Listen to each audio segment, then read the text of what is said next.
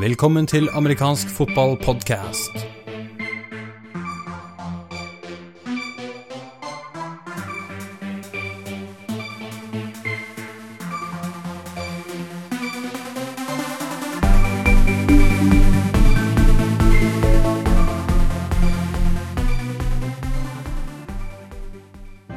Velkommen til episode 15 av amerikansk fotballpodkast, den første for høsten 2016. Programleder for dagens sending er Patrick Hamnøy. Mitt navn er Jarl Magnus Henriksen. Jeg er gjest i sendingen sammen med eh, Jesper Hagen, Eivind Nygaard Sommerseth, Mette Isaksen og Hege Indresand. Vi skal begynne eh, sendingen med en kikk på NFL og forhåndsartiklene som er skrevet eh, på amfotball.com om sesongen og lagene. Deretter skal vi til damefotballen, som har seriestart nå til helgen. Vi skal gjennom U19, hvor det var seriestart forrige helg, og se hvordan det ligger an der. Og til slutt så skal vi tilbake til NFL og se på hva vi tror om hvordan det kommer til å gå i sesongen 2016. Og ikke minst Superbowl som går søndag 5.2.2017. Da er vi klare for første periode av dagens sending.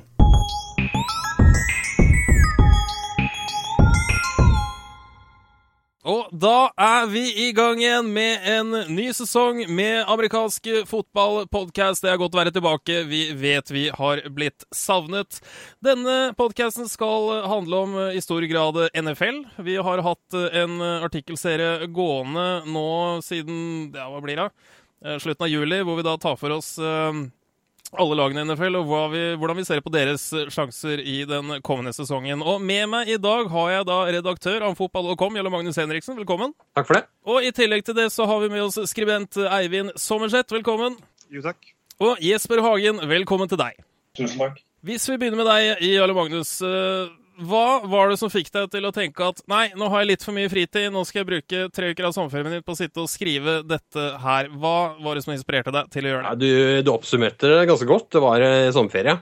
Eh, og ikke minst er det sånn at eh, amerikansk fotball, spesielt da NFL, er stort sett dekket av engelsktalende medier. Det er kanskje ikke så overraskende. det har vært noen gjennomganger på norsk eh, som har vært ganske begrenset. Med unntak av det syns VG hadde en eh, bra en i fjor.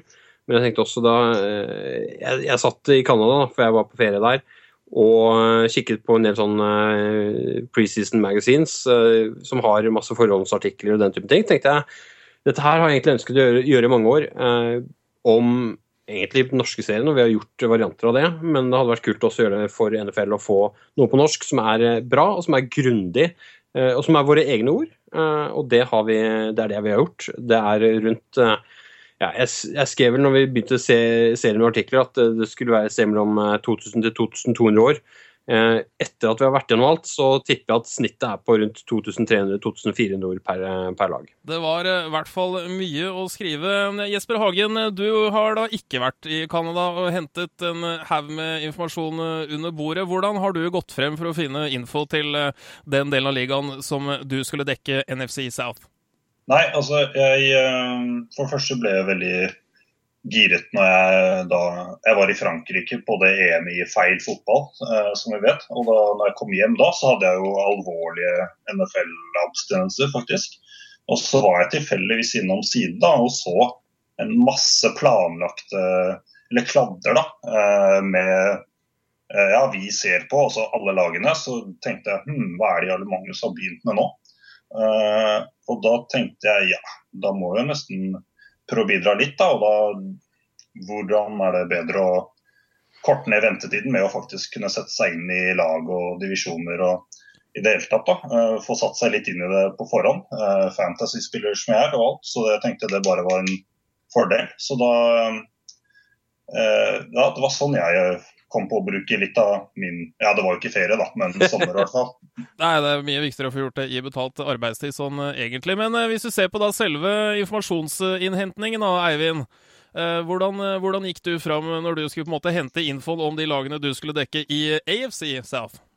Det starter jo med at jeg tenker at det alltid er greit å se på hva eh, andre har tenkt. Man, jo, man behøver jo ikke å oppfinne krittet helt selv. Så det første var egentlig å saumfare nettet for, for Eh, nå hadde jo ikke jeg da, da disse preseason-magasinene til Jarl Magnus, men, men, det var å finne fra de for, jevne, vanlige sidene man går til for å lese om, om den slags. Uh, og så var det jo å prøve å sette seg inn i mer dypt uh, hva som skjer.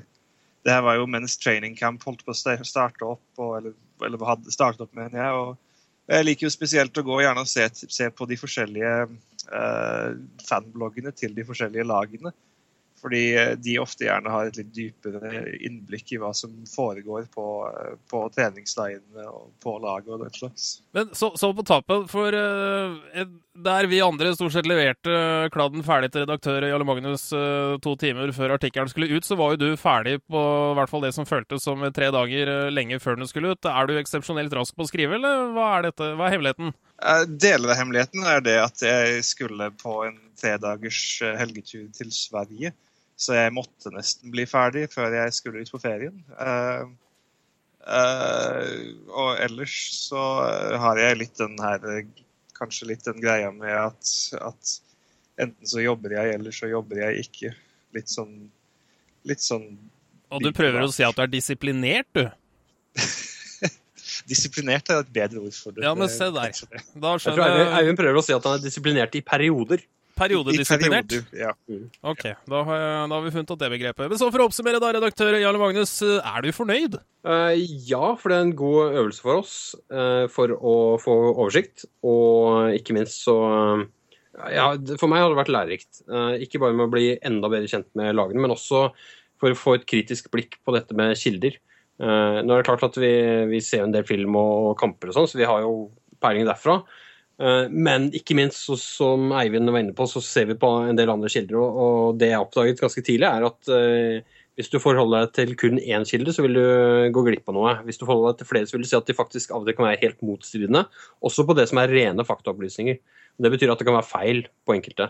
Så det å sjekke opp mot andre kilder, og så ikke minst uh, sjekke en del statistikker og sånne ting, og film, den kombinasjonen er det som gjør utslaget. Så jeg er godt fornøyd med at vi har fått ut dette. her. Jeg er ikke eh, Jeg skulle ønske det var flere som hadde oppdaget det eh, og skjønner verdien i det, eh, men det er nok det er nok fremdeles sånn at det er liksom NFL er amerikansk, og la oss lese på engelsk og sånne ting. Jeg tror nok det ligger litt der.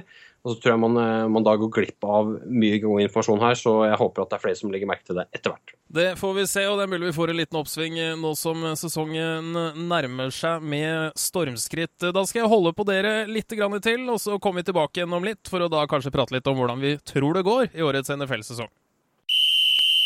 Da er første periode over, og vi er klare for andre periode.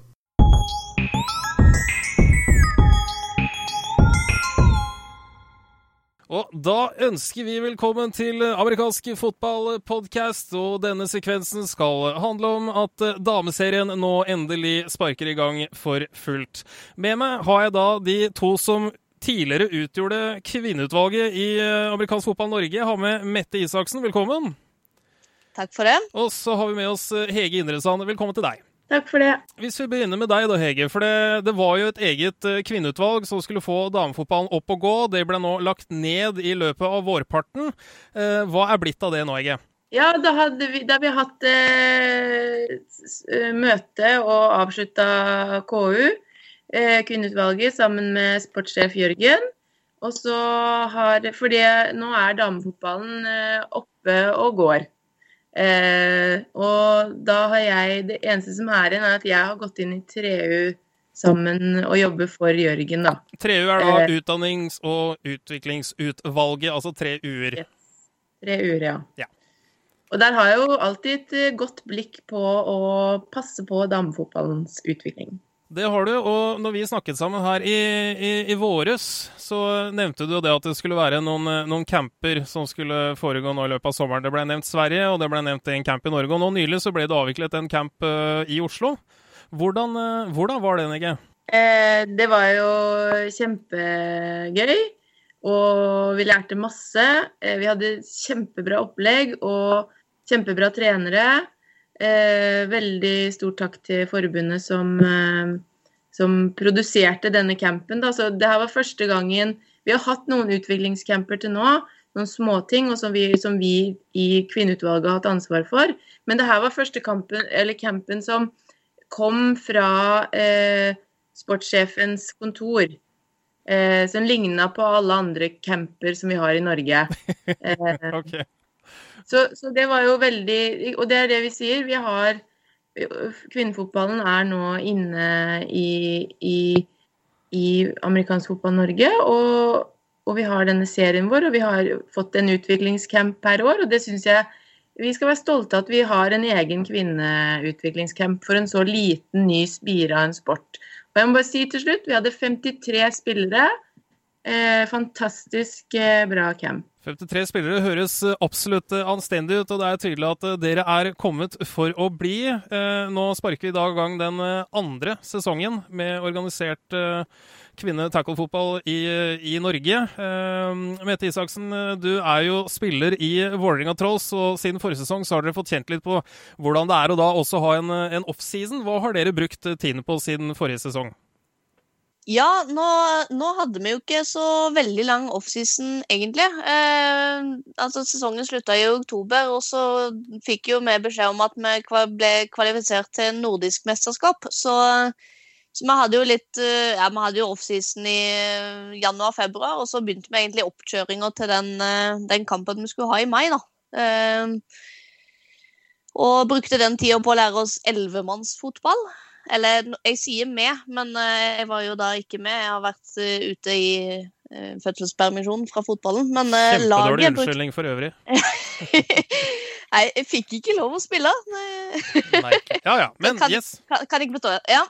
Eh, men eh, ja, så laget brukte den tida på å forberede seg til den kampen som da ble spilt 8. mai. Og når den var ferdig, så var det jo egentlig bare å nullstille seg igjen og, og ned til nimannsfotball igjen og forberede seg til høstsesongen.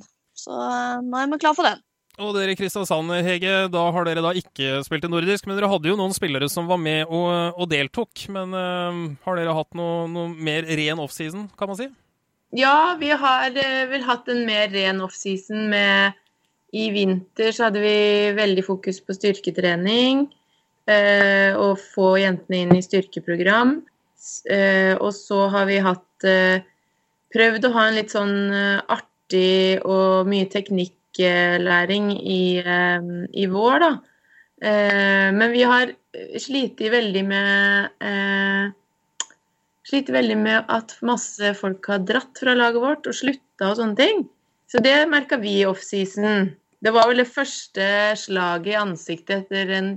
Jentene er det første gang de hadde en sesong i Norge, spilte kamper og oppdaga hvor hardt og hvor mye arbeid en sesong er, da. Eh, og for noen så var det faktisk litt for mye av det gode, tror jeg. Eh, så det er en sånn læringsprosess eh, vi, vi i hvert fall så, da. At, eh, at det var mange som faktisk syntes at det, det her var for mye å be, å be om. Det er det absolutt, og det tror jeg ikke er et uh, ukjent begrep for noen som har drevet med amerikansk fotball over tid her i landet. Det er uh, stort gjennomtrekk, men til gjengjeld, de som blir, har en tendens å bli veldig og engasjerte og vel så det. Uh, hvis jeg spør dere om dere har noe inntrykk av de to andre lagene, for det er jo fire lag som skal delta i serien nå. Det er Vålinga, det er Kristiansand, det er Fredrikstad og det er Haugesund. Hvis jeg spør deg, Mette, dere trente jo med Fredrikstad her for, for litt siden. Hvordan, hvordan ser det ut der? Jo, de har vel eh, Jeg har vel inntrykk av at de har mista litt folk siden i fjor, de òg. De var jo kanskje det laget som hadde flest spillere i fjor, og nå eh, ga vel eh, Honar, eh, coach for Fredrikstad, inntrykk av at eh, at de hadde mista noe folk, da. Men eh, at de er stabilt på en 15-20 spillere, og, men med en del rookies, da.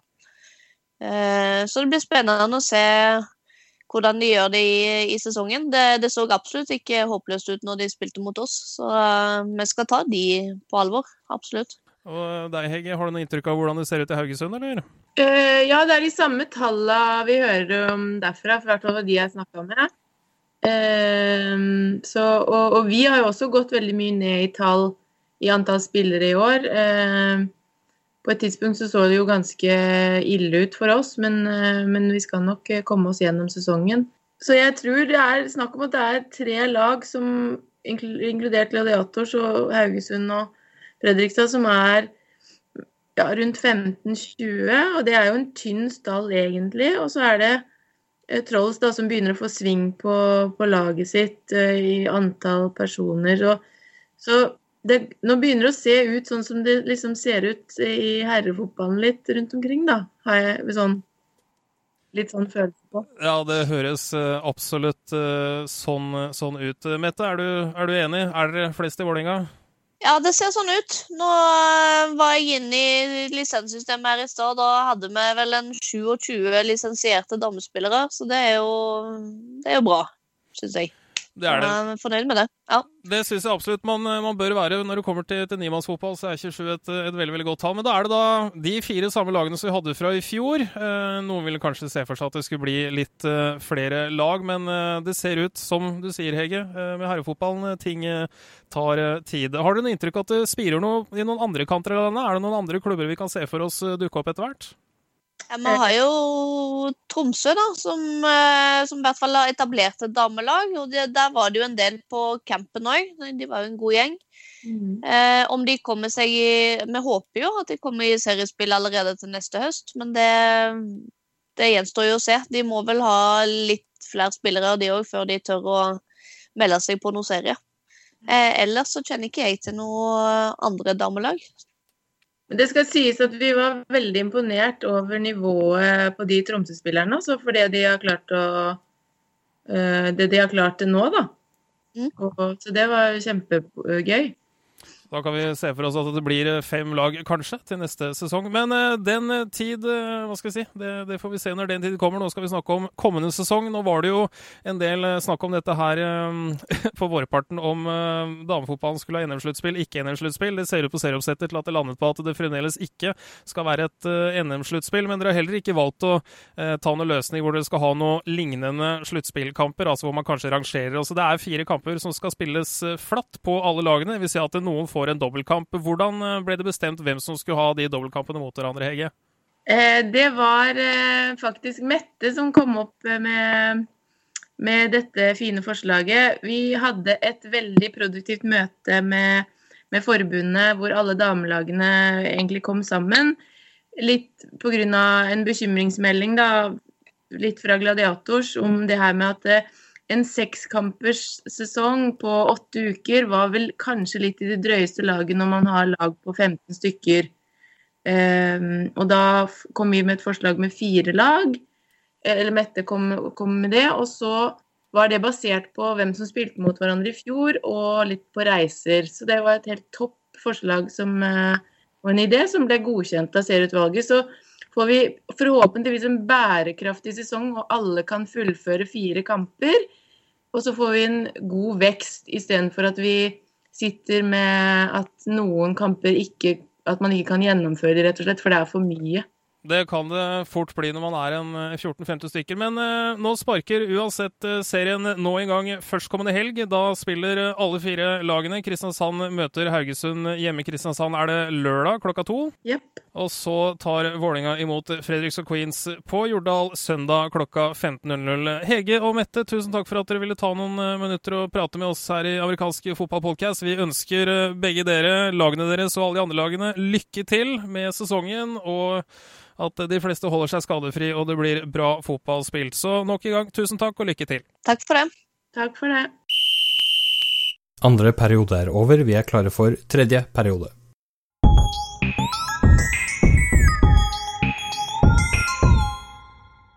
Og vi fortsetter videre her i amerikansk fotballpodkast. Vi skal ta for oss eh, U19-sesongen, som nå har eh, sparket i gang eh, for fullt her i landet. Og Jarle Magnus, du har vært til stede på én kamp, og så har du sett en, en, annen kamp på film. Jeg vet ikke hvem av de kampene du har lyst til å begynne med? Hvem var det som møttes der? Kan nevne først at Lura Bulls hadde hjemmekamp ute på landet mot Oslo Vikings. Litt annen bane enn de vanligvis har og vant 23-22. Eh, eh, det var nok et overraskende resultat for eh, mange, men det var nok også overraskende for oss som var der å se antallet spillere hos Vikings. Når Vikings ja, Eller når jeg kom til banen, da drev Det jeg tenkte var en del av Vikings, drev oppvarming, men det viste seg å være hele laget. Det var 14 stykker. 14 stykker. Minimum ja. for å starte en kamp på Niemanns er 13, så det var ikke mange. Ja, og det er jo da har det skjedd en del hos en klubb som uh, var veldig sterke tilhengere av at det skulle være ellemannsfotball uh, på U19 fremdeles. Så de kan nok være glad for at det ble nimanns, i hvert fall sånn som det ser ut akkurat nå. Nå fikk jeg en forståelse på dem på at, at her er det en del ferieavvikling og ting som har skjedd osv. som gjør at, at, dette antallet vil nok gro utover sesongen. Og det var ikke bak, bak mål de som var der, for å si det sånn. Det var gutter som sto på og var flinke, visste hva det gikk i. Eh, men det var, ikke, det var, ikke, nok av dem. Det var kanskje ikke helt eh, alle som spilte på de posisjonene som, som, er mer naturlige for dem. Så det gjorde et utslag utover. De fikk også et par skader som, som var sånn kampavsluttende for de spillernes eh, del. Bulls, mye ferske folk. Noen med erfaring. Og de med erfaring, der er det noen som er ekstremt viktige. De, de trenger å gjøre gode kamper hver gang. Og så tror jeg at eh, Fordelen med Bulls er at eh, de har en, en ikke en kjempebred stall, men de har bred nok stall til at eh, etter hvert som disse nye spillerne kommer inn i det, så vil det laget bli bedre. Jeg tror ikke det er NM-gullmateriale, sånn som det er nå. Og det baserer jeg litt på den andre kampen som jeg også har fått med meg. Men, eh, men, det er et lag som er klart bedre enn det Lura Bulls har vært på U19 eh, før. Det er en kjempepositiv greie å se. Ja, på Lade eh, i Trondheim så spilte jo Domers hjemme mot Eidsvoll. Det ble en voldsom skåringsrik kamp. 100 poeng til sammen. 45-55. Og da var det bortelaget som vant. Når jeg så resultatet, så tenkte jeg at her har det vært jevnt og spennende hele veien. Når jeg så kampen, eller det er vel um, jeg har sett uh, tre fjerdedeler av den hittil. Jeg skal se resten seinere. Så syns jeg nok Eidsvoll er klart uh, bedre uh, og har flere strenger å, å, spille på og sånn. de tar en ledelse som, som for meg ser ut til å være ganske tydelig ganske lenge.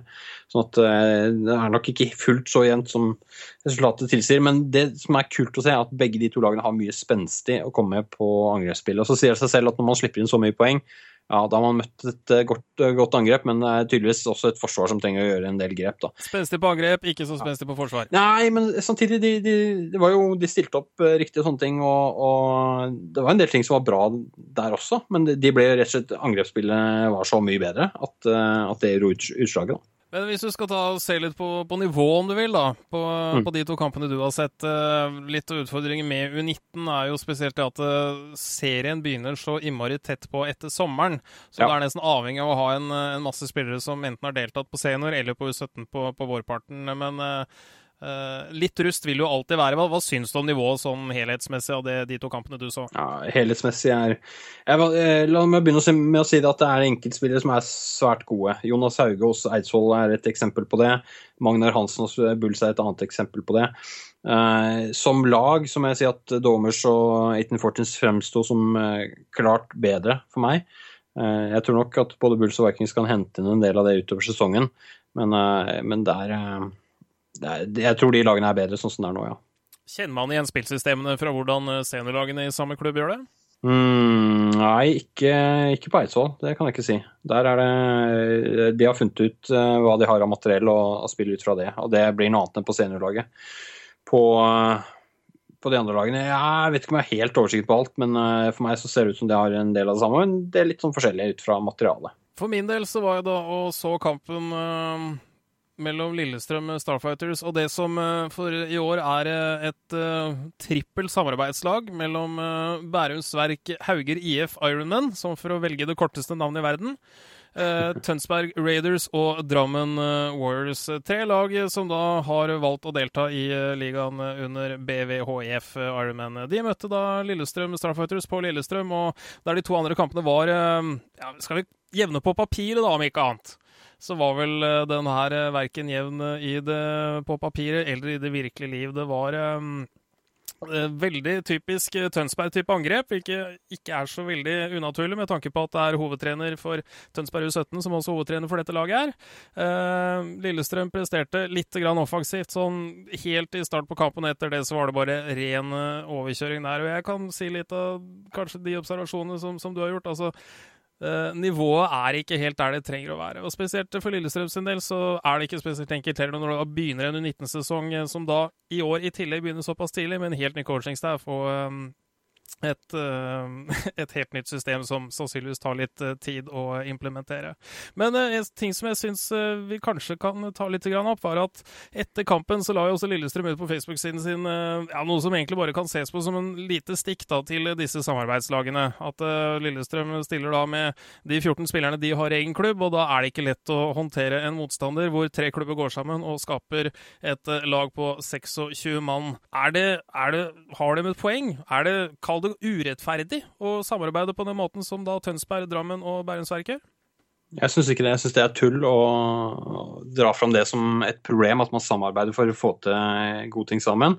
For alternativet her er at det er et lag Eller at de klubbene ikke har spillere i, i den U19-serien. De har ikke nok spillere hver for seg til å stille lag. Og dermed så gjør man sånn samarbeid. Så liten er sporten fortsatt at man vil se den typen ting. Eh, og da Det er ikke noe negativt eh, i det utgangspunktet. Eh, og jeg syns heller ikke det er å liksom angripe den delen av det som om de gjør noe gærent. Det er bare vås. Um, jeg syns samtidig at jeg, kan liksom Jeg kan skjønne følelsen. Jeg kan skjønne følelsen av at, og Spesielt når liksom resultatet blir som det blir, og det er stor forskjell på antall spillere, så ser jeg hvordan man kan være, måtte føle at det ikke helt er rettferdig spill, men eh, jeg kan ikke se noe annet enn at eh, her må man se det større bildet, og det er hva er det vi får ut av dette her. Vi får en haug med U19-spillere som får muligheten til å, til å utvikle seg. Eh, og nei, eh, har man 14 spillere som et utgangspunkt, eh, og det hadde jo også Vikings i den ene kampen de spilte, så må man heller se på egen rekruttering framfor å liksom være skuffa over at andre har omtrent dobbelt så mange. Men du snakker om å utvikle seg. Det blir jo ikke helt um, hva skal vi si, like konkurranseforhold i utgangspunktet heller, da, all den tid du har uh, en del spillere på en del lag som sannsynligvis også har bidratt på senior elite et halvt år i forveien. Uh, som da møter noen som kanskje spiller sin, sin aller første sesong. Kan kan vi da kalle det utvikling fremdeles? Ja, det kan vi definitivt. Det er ikke at det er enkelte Nå er jeg litt usikker på hvem du sikter til, for det, da snakker vi om eh, Trolls, Bulls, Vikings og Eidsvoll. Eh, og Eidsvoll, for så vidt. Eh, nå var mitt inntrykk ut fra hva jeg har sett, at eh, Eidsvoll eh, i stor grad er preget av eh, kanskje U17-utviklingen snarere enn en senior elite-satsingen. Mm. Nei, det, man kan ikke tenke på den måten. Det, det er litt sånn uh, Hvis reglene tilsier at man kan ha importspillere, man henter inn det og det utvikler folk rundt dem, så er det liksom negativt. Det er bare det er historieløst. Der man, man, forstår ikke helheten i det. Så det at det ble definert, uh, U19 ble omdefinert fra elite til bredde på fjorårets ledersamling, det mener du fremdeles var en, en, god avgjørelse? Jeg ser ikke den definisjonen som elite versus bredde ser jeg ikke som en uh, det er ikke lite uansett hva det er, altså. Beklager.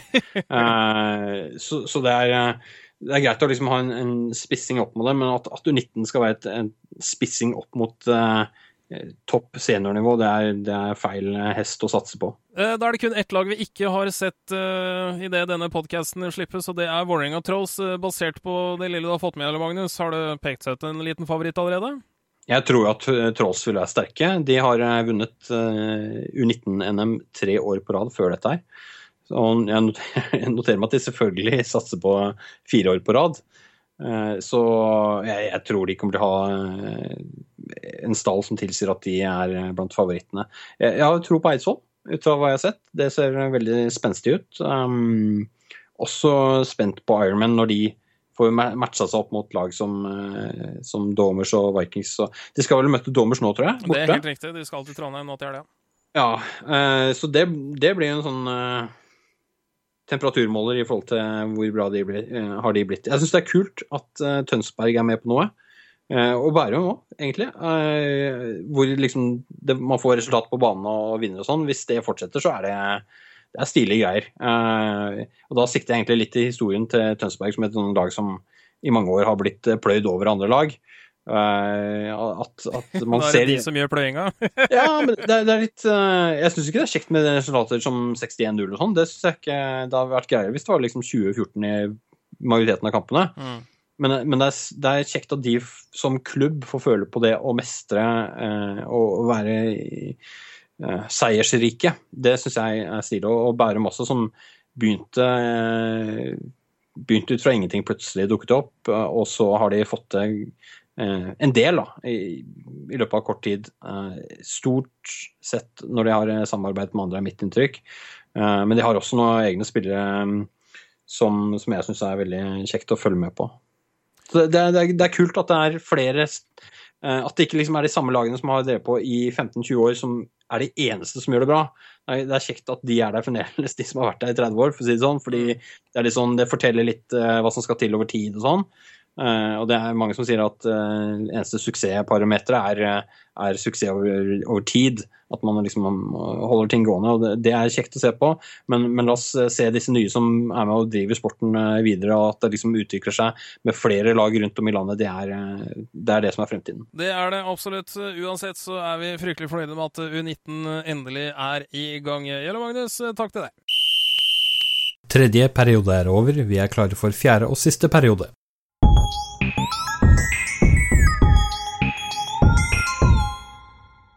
Og vi fortsetter med vår eh, dekning av eh, kickoff i NFL, som starter opp nå om eh, veldig veldig kort tid. Forrige sekvens så snakket vi litt om den artikkelserien som vi har skrevet i forkant av årets NFL-sesong, som du fremdeles kan sjekke ut på amfotball.com.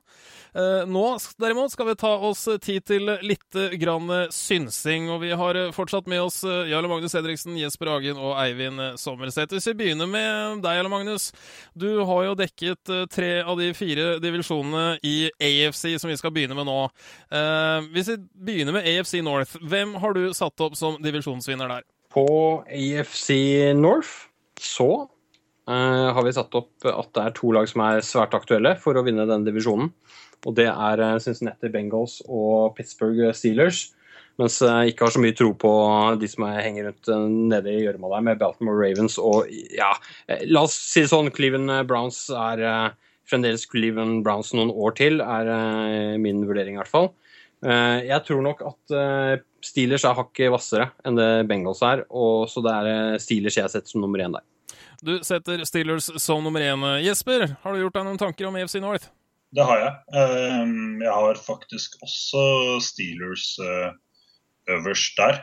Jeg vil jo faktisk ikke kalt uh, Ravens uh, slummen, eller hva det var du kalte det. Men, uh, men jeg tror jeg har troen på Steelers, faktisk. Den kontinuiteten og, og den offensive slagkraften der. Um, ja, for den har blitt voldsom de siste åra nå, altså?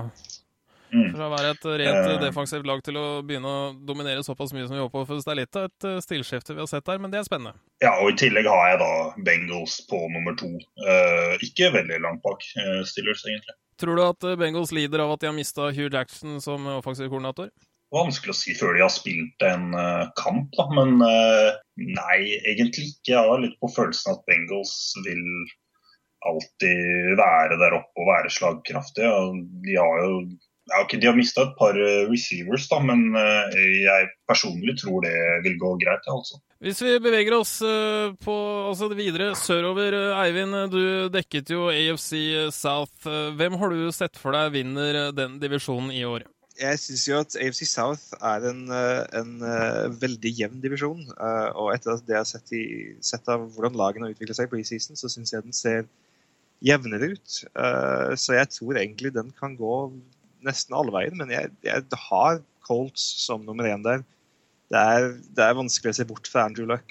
Uh, så, så det, er vel, det, er vel, de jeg har som nummer én, men jeg blir ikke overrasket om, om selv Titans ender opp med å gå, gå vekk med divisjonen.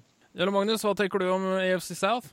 At det handler mye om Brock Osweiler. Hvis uh, han uh, viser seg å være det som trenerstaben jeg tror på, så er Houston Texans fort nummer én med det de materialet har ellers. Uh, uten det så er det Colts som uh, bør ha favorittstempelet der. Og så er det sånn at uh, alle er spente på Jaguars, for det har, det har, skjedd så mye der og sånne ting. og jeg tror nok de vil ta et steg oppover, men ikke til en divisjonstittel. Titans er det ingen som har tro på, selv om de har egentlig draftet meget, meget bra de siste årene. Jesper? Nei, det, det er litt Som du sa, altså, Titans er Det er fortsatt Titans, så jeg får meg ikke helt til å til å tippe de der oppe. Men jeg eh, er veldig enig med Eivind i at uh, det er uhyre jevnt. Og jeg også syns jo Titans har uh, draftet bra og hatt en bra offseason.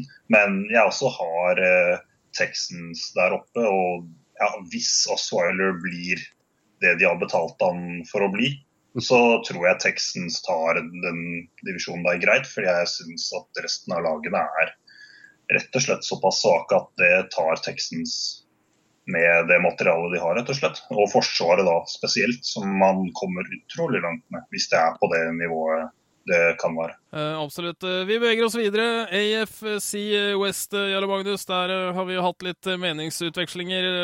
hvem har du satt opp som vinner av AFC West i 2016? Kansas City Chiefs med Denver Broncos tett på, og så Oakland Raiders hakket etter det. Og da står vi vel igjen med stakkars San Diego Chargers, som er litt mer i bakevja. Men du har altså Kansas City foran Broncos, selv om Broncos er rykende ferske Superbowl-vinnere. Hvorfor det? Ja, man kunne jo sett på QB-situasjonen, men det, det, er klart, de hadde ikke den største prestasjonen der i fjor heller. Jeg tror nok det er mer sånn De har mista litt her og der. Og de hadde en fantastisk sesong i fjor. Hvorfor skal de ikke få det i år igjen? Ja, Det er litt sånn at av og til så treffer man på flere hindringer. Gjerne også i sesong to. Jeg fikk høre en gang når vi vant et NM-gull, og det er ikke så lenge siden, at det Vær så god. Det, det, det, er greit å vinne første gang, men å følge opp, det er tyngre. Og det, jeg tror tror det er noe i det. Det er en kjempeprestasjon når man vinner sånne ting to år på rad. Og, og snakker vi Superbowl, så er vi på et betydelig høyere nivå, men en betydelig bredere konkurranse. Så jeg tror nok Denver nok kan få mer støy, for å si det sånn, i linjene enn det de hadde i fjor. Og på AFC East så har vi rangert Patriots som vinner der. Er det noe å utsette på der, Eivind? Nei, det er ikke det. Altså, alle vil jo snakke om hva som skjer de første fire ukene uten Tom Brady. Men uh, hvis du ser tilbake til 2008 Bill Belichick klarte å vinne var det elleve kamper med Matt Castle. Uh, han klarer å, ta, å vinne den divisjonen her selv om han mangler Tom Brady i fire uker. Uh, mener nå jeg. Men Jesper, er det fordi resten av divisjonen er så dårlig, eller er det bare at Patriots er såpass, såpass bra? Jeg vil ikke si divisjonen er så dårlig, men um, de havner jo på en måte aldri noe særlig mer enn ni seire. da, Så det er jo litt som uh, Eivind sa, da. Jeg tenker at de kan Patriots altså kan tape de første fire, og så allikevel vinne tolv, selv om det er jo sjelden man vinner tolv på rad. Da, men med tolv-fire så er det jo der de alltid er. Så. Men altså, Dolphins er jo de er litt sånn der Jeg føler at hvert år så snakker man at i år blir de bedre, og i år er året osv. Eh, men det skjer jo aldri. Um, så jeg Ja, det, det, og jeg føler jo Bills ligner litt, da. Og um, til en viss grad Jets òg, faktisk. Selv om Jets var jo faktisk nærme playoffs i fjor. Så um, er sånn, Den er ikke dårlig, men den er akkurat ikke bra nok til å faktisk utfordre Patriots på alvor. da. Og Det er jo ikke dermed sagt at Patriots ikke er noe bra lag, de er jo et meget bra lag. Absolutt. Det er ingen, ingen, ingen dårlig divisjon, men ingen eksepsjonelt uh, konkurransedyktig en heller. Så den ligger sånn akkurat i, i midtsjiktet der. Men da har vi, for å oppsummere, vi har um, Kansas City Chiefs som vinner av AFC West. Vi har Indianapolis Colts som vinner av AFC South. Vi har uh, Patriots som vinner av AFC East, og dere har da sagt Steelers som vinner av AFC North. Der har vi fire lag som går rett til playoff. Hvem er de to wildcard-lagene, Jarle Magnus? Mm, det blir vel fort, uh, i mine øyne, da, i hvert fall. Uh, Bengals som tar den ene. Og så, ja kan ikke synes jeg, jeg, tror vi kommer til å være litt uenige her. Fordi både Broncos og, og Texas er liksom lag som umiddelbart slår meg som kan fortjene en eh, plass, og som har muligheten til å oppnå det også. Så jeg, jeg må si jeg har eh, fått litt mer troen på Osweiler og Houston Texans uh, utover. Så jeg tror nok jeg sier Texans. Texans og Broncos, var det så? Nei, Bengals og Bengals Texans. var det du sa, ja. Bengals og mm. Texans, så det vil si at du ser ikke for deg at Broncos kommer til sluttspillet. Eivind? Ah, ja, vi får se. Eivind, skal du kommentere på den? Texans til sluttspillet? Jeg er ikke helt solgt på Brock Osweiler. Jeg noterer meg at han hadde en veldig god preseason-kamp uh, eh, her for, i forrige helg, men preseason er preseason. Og uh, jeg tror ikke han er den løsningen Bill O'Brien ønsker at han skal være. Eh, tenker du at Broncos og Trevor Simeon er bedre, eller tenker du at det er en annerledes, et annerledes lag, oppsett som betyr Kubin betyr mer annerledes? Hva, hva tenker du om det? Eh, vel, nå, nå er jeg ikke helt solgt på Broncos heller. Eh, faktum er vel at, at jeg er ikke like negativ til, uh, til Ravens som, uh, som Mm, det, de to andre er her. Ravens var uh, fryktelig skadeplaget i fjor, og allikevel så var de med i så å si samtlige kamper de spilte. De hadde en, en enorm mengde tap med under én score. Så jeg, eh, jeg, jeg har tro på dem som et bounceback i år, og jeg har tro på at vi får se tre lag fra eh, AFC North i sluttspillet. Se der, ja. Uh, Jesper, har du noe lag som ikke er blitt nevnt av de to andre? Nei, jeg, egentlig ikke. Altså, jeg, nå hadde jo jeg personlig Texans uh, som vinner av South. Jeg er veldig stor fan av Lamar Miller og signeringen der. Men noen andre lag enn de som er nevnt her i wildcard, nei, det har jeg faktisk ikke. Men eh, jeg, jeg kan si det, da, at jeg ikke er så altfor høy på QB-situasjonen. Og for så vidt også forsvaret til Broncos. da. Jeg tror tapet av Malik Jackson blir viktigere enn de selv kanskje liker å tro. Så jeg eh, holder med Jarle Magnus at eh, Broncos faktisk eh, ikke kommer seg til playoffs. faktisk. Se der. Der har dere vår eh, fasit på hvordan det kommer til å uttale seg i eh, AFC for sesongen 2016. Vi får se hvordan det ser ut i slutten av sesongen. Og vi fortsetter videre da denne gangen med NFC, og vi begynner med NFC East. Jarle Magnus, du har dekket NFC East foran fotball.com. Hvordan ser det ut der? Ja, det ser annerledes ut eh, nå enn det gjorde når vi skrev om det. Eh, og det er vel for verdt å merke at uh, artiklene som vi har skrevet om det, blir oppdatert, oppdatert litt grann, eh, rett før uh, sesongstart, bare for å liksom gi litt tegninga. I det vi skrev, da, så, og, og som er ja, Jeg får vel holde på det synspunktet. Så er det Dallas Cowboys jeg har plassert som nummer én. De hadde jo ikke noe fantastisk sesong i fjor, og da var det en fyr som het Tony Romo som ble skada.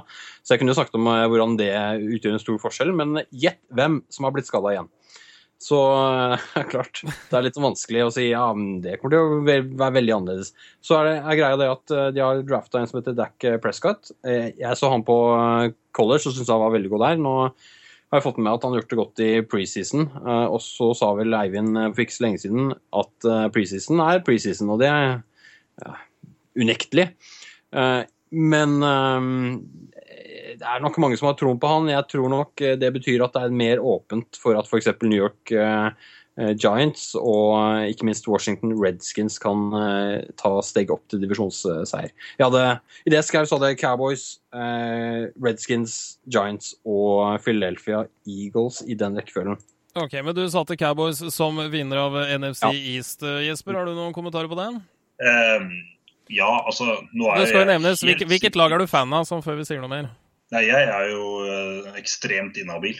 Eh, jeg er jo uh, Eagles-grønn. så Men eh, altså, jeg er ikke uenig i det Jarle Magnus sier, men jeg får meg ikke til å tippe Cowboys som vinner eh, nå etter skaden til Romo. Og eh, jeg syns Giants er jo rundt syv, åtte, ni seire hvert eneste år, uansett hvem det er de signerer. Og, så det er jo egentlig kanskje Redskins, tenker jeg, da, som enten kan ta et steg videre eller, eh, eller ned i sumpa igjen. Jeg registrerer at de har fått eh, running backen deres skadet, eh, Matt Jones. Um, så det er litt usikkerhet der. Og så er det jo sånn i ligaen da, at med en ny headcoach så vet man jo aldri hvordan det går. Så um, det er jo ingen som tror at offensivt at Eagles kommer til å ta ligaen med storm der, men uh, forsvaret med Jim Shorts har jeg faktisk utrolig tro på. Og det, i en så dårlig divisjon så kan jo det være nok. Så ja, um, ja jeg har ikke Eagles på fjerde, da. Det har jeg ikke. Men, men samtidig, selv om du ikke klarer å uttale ordene, så er du ikke uenig med det Jarle Magnus sa om eventuelle divisjonsvinnere. Du skal få slippe å si navnet på laget. altså. Uh, ja, hvem jeg har som vinner hvis jeg absolutt må velge, er, det må bli si Redskins, da, bare for å ikke si Eagles. ok. Uh, vi fortsetter videre med NFC North. Uh, den kan uh, for så vidt jeg ta, for det var jeg som skrev om Jeg hadde Packers på topp med 12-4, forutsatt at Jordy Nelson var tilbake for fullt. Og forutsatt at de ikke mista begge outside linebackere på dopinganklager. Nå viser det seg i dag at den, det, blir ikke noe mer av. Så jeg har Packers på topp av NFC North. Jeg hadde Vikings ganske tett på. Uh, rett bak, for de syns de har gjort veldig mye bra og blitt enda bedre defensivt, uh, om mulig. Men uh, så har jo nå Teddy Bridgewater skada kneet sitt, så det avhenger jo veldig av hvem, hvem, de kommer til å få inn der. Men jeg har også NFC North, har jeg Packers som vinner. Eivind, har du noen kommentarer der? nei, jeg syns det er logisk å ha Packers på topp der, spesielt etter skaden på Teddy Bridgewater. Detroit og Chicago eh, Jeg hadde jo troen på at Chicago kunne begynne å bygge opp noe nå. Eh, John Fox eh, i andre år og alt sammen. Men de har sett, de har sett morbid dårlig ut i preseason. jeg får lov til å si det. Det skal du få lov til å si. Det var sterke ord, men eh, det er det lov å, å, komme med. Jeg også tror det er noen år før de får landa på plass alle brikkene der. Det er en litt større systemendring enn å bare bytte headcoach, spesielt overgangen fra en 4-3 til en 3-4, som de er i full gang med. Det, det tar sin tid. Uh, vi fortsetter videre med, med NFC South. Uh, Jesper, den skrev du. Hvem har du på topp der? Uh, der har jeg Panthers på topp, som i fjor. ikke med like mange seire, men like fullt en eh, grei seier der. Eh, Imidlertid så var det en litt spesiell eh, tipping det kom fra meg. Jeg tippet faktisk at det dårligste laget fikk 8-8. Jarle Magnus var så snill og fortalte meg at sist det skjedde, det var i 2008. Så det er jo ikke helt borti natta forsovet, da. Men jeg har i hvert fall veldig tro på at det blir en utrolig jevn divisjon, hvor faktisk bare én seier skiller de tre neste der. Eh, men ja, som sagt eh, Panthers, eh, og da foran Saints, også faktisk både Falcons og Buccaneers på 8-8 er det jeg har. Jeg er en stor James Winston-fan, og jeg tror det blir Forsvaret som holder Buccaneers tilbake. rett og slett. Da har du Panthers på topp i NFC South. altså. Jarle Magnus, siste divisjon, NFC West. Hvem ja. vinner? Seahawks foran Cardinals er tipset med eh, si, våre gode venner i Los Angeles, for de er jo helt eh, ferske der eh, for første gang på veldig mange år. Nemlig Los Angeles Rams på tredje, og så det som er favorittlaget mitt, San Francisco 49ers, kosende nede i bunnen på fjerdeplass. Men Seahawks på topp der, altså. Men da er jo Har det vel egentlig pekt seg ut en et totalt sluttspillbilde, egentlig. Hvis du da inkluderer uh, det at dere var uenige om toppen i NFC East, og at NFC West virker såpass soleklare i forhold til Seahawks og Cardinals. Så oppsummeringen der blir altså sluttspillagene Packers, Panthers, Seahawks, og så var det Cowboys. Og hvem mente du utover Cowboys, Jesper? Det var Redskins? Ja, ja, vi kan si det. Ja, Og så har vi Cardinals på siste. Det er eh, på en måte det vi har eh, landa på der. Eivind, fornøyd med det resultatet? Ja, kan si meg relativt enig i det. Eh, Vikings kan også være med og konkurrere om en wildcard der, dog det, alt er ikke tapt, selv om Bridgewater er ute. Overhodet ikke, og det er et lag som uh, ikke akkurat har basert seg på briljant uh, quarterback-spill uh, for å kunne overleve. Det så vi senest i fjor. Men uansett, da tror jeg vi runder av her. Hvis du har lyst til å lese mer, nok en gang, kjære lytter, gå inn på amfotball.com, og så finner du samtlige artikler skrevet av våre skribenter der, og kom gjerne med egne meninger om du har det. Patrick, ja. Patrick, før vi runder helt av, la oss ta en liten runde med hvem vi tror vinner Superbowl. Å, skal vi komme med det òg? Ja, la oss ta det. Ok, da tar vi Det Det er alltid, alltid kjekt, for det er det vi kan konfronteres med på slutten av året. Det, det er det folk husker. Men uh, siden du begynte, så kan vi begynne med deg, Magnus. Hvem vinner Superbowl? Jeg tror at uh, det blir uh, et lag som heter New England Patriots. Det er et ekstremt kjedelig valg, så det gidder jeg ikke å be deg utdype engang. Jesper?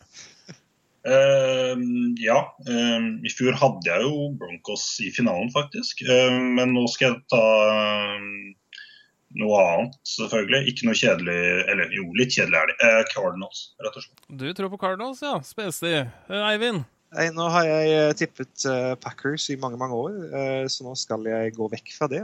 Uh, Jeg tror du skulle si at det er nettopp derfor skal du gå for det, for du må jo få rett en eller annen gang. Men det var altså ikke det vi konkluderte med. Nei, eh, så nå kommer de vel også til å vinne, da. Nei, eh, men jeg holder meg i NFC, eh, jeg eh, også, som, eh, som Jesper. Jeg holder meg i NFC West, faktisk, men jeg går for Seahawks som årets Superbowl-vinner. Patrick, nå er det din tur. Og jeg er så enig med deg, Eivind. Eh, Seahawks eh, vinner Superbowl eh, i år. Det er eh, ingen tvil fra min side. Jøss, da er det tre av oss som tar feil. Det var jo synd. Ah, vi får se da, vet du. Uansett, takk for at dere bidro. Jarle Magnus Henriksen, takk for at du kom. Takk for nå. Jesper Hagen, takk for at du kom. Hjertelig takk. Og Eivind Sommerseth fra det glade nord, takk for at du kom. Jo, takk.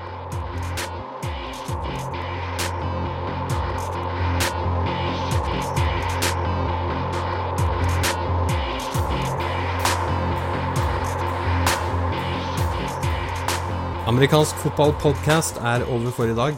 Vi takker for følget. Følg gjerne med på amfotball.com, så høres vi snart.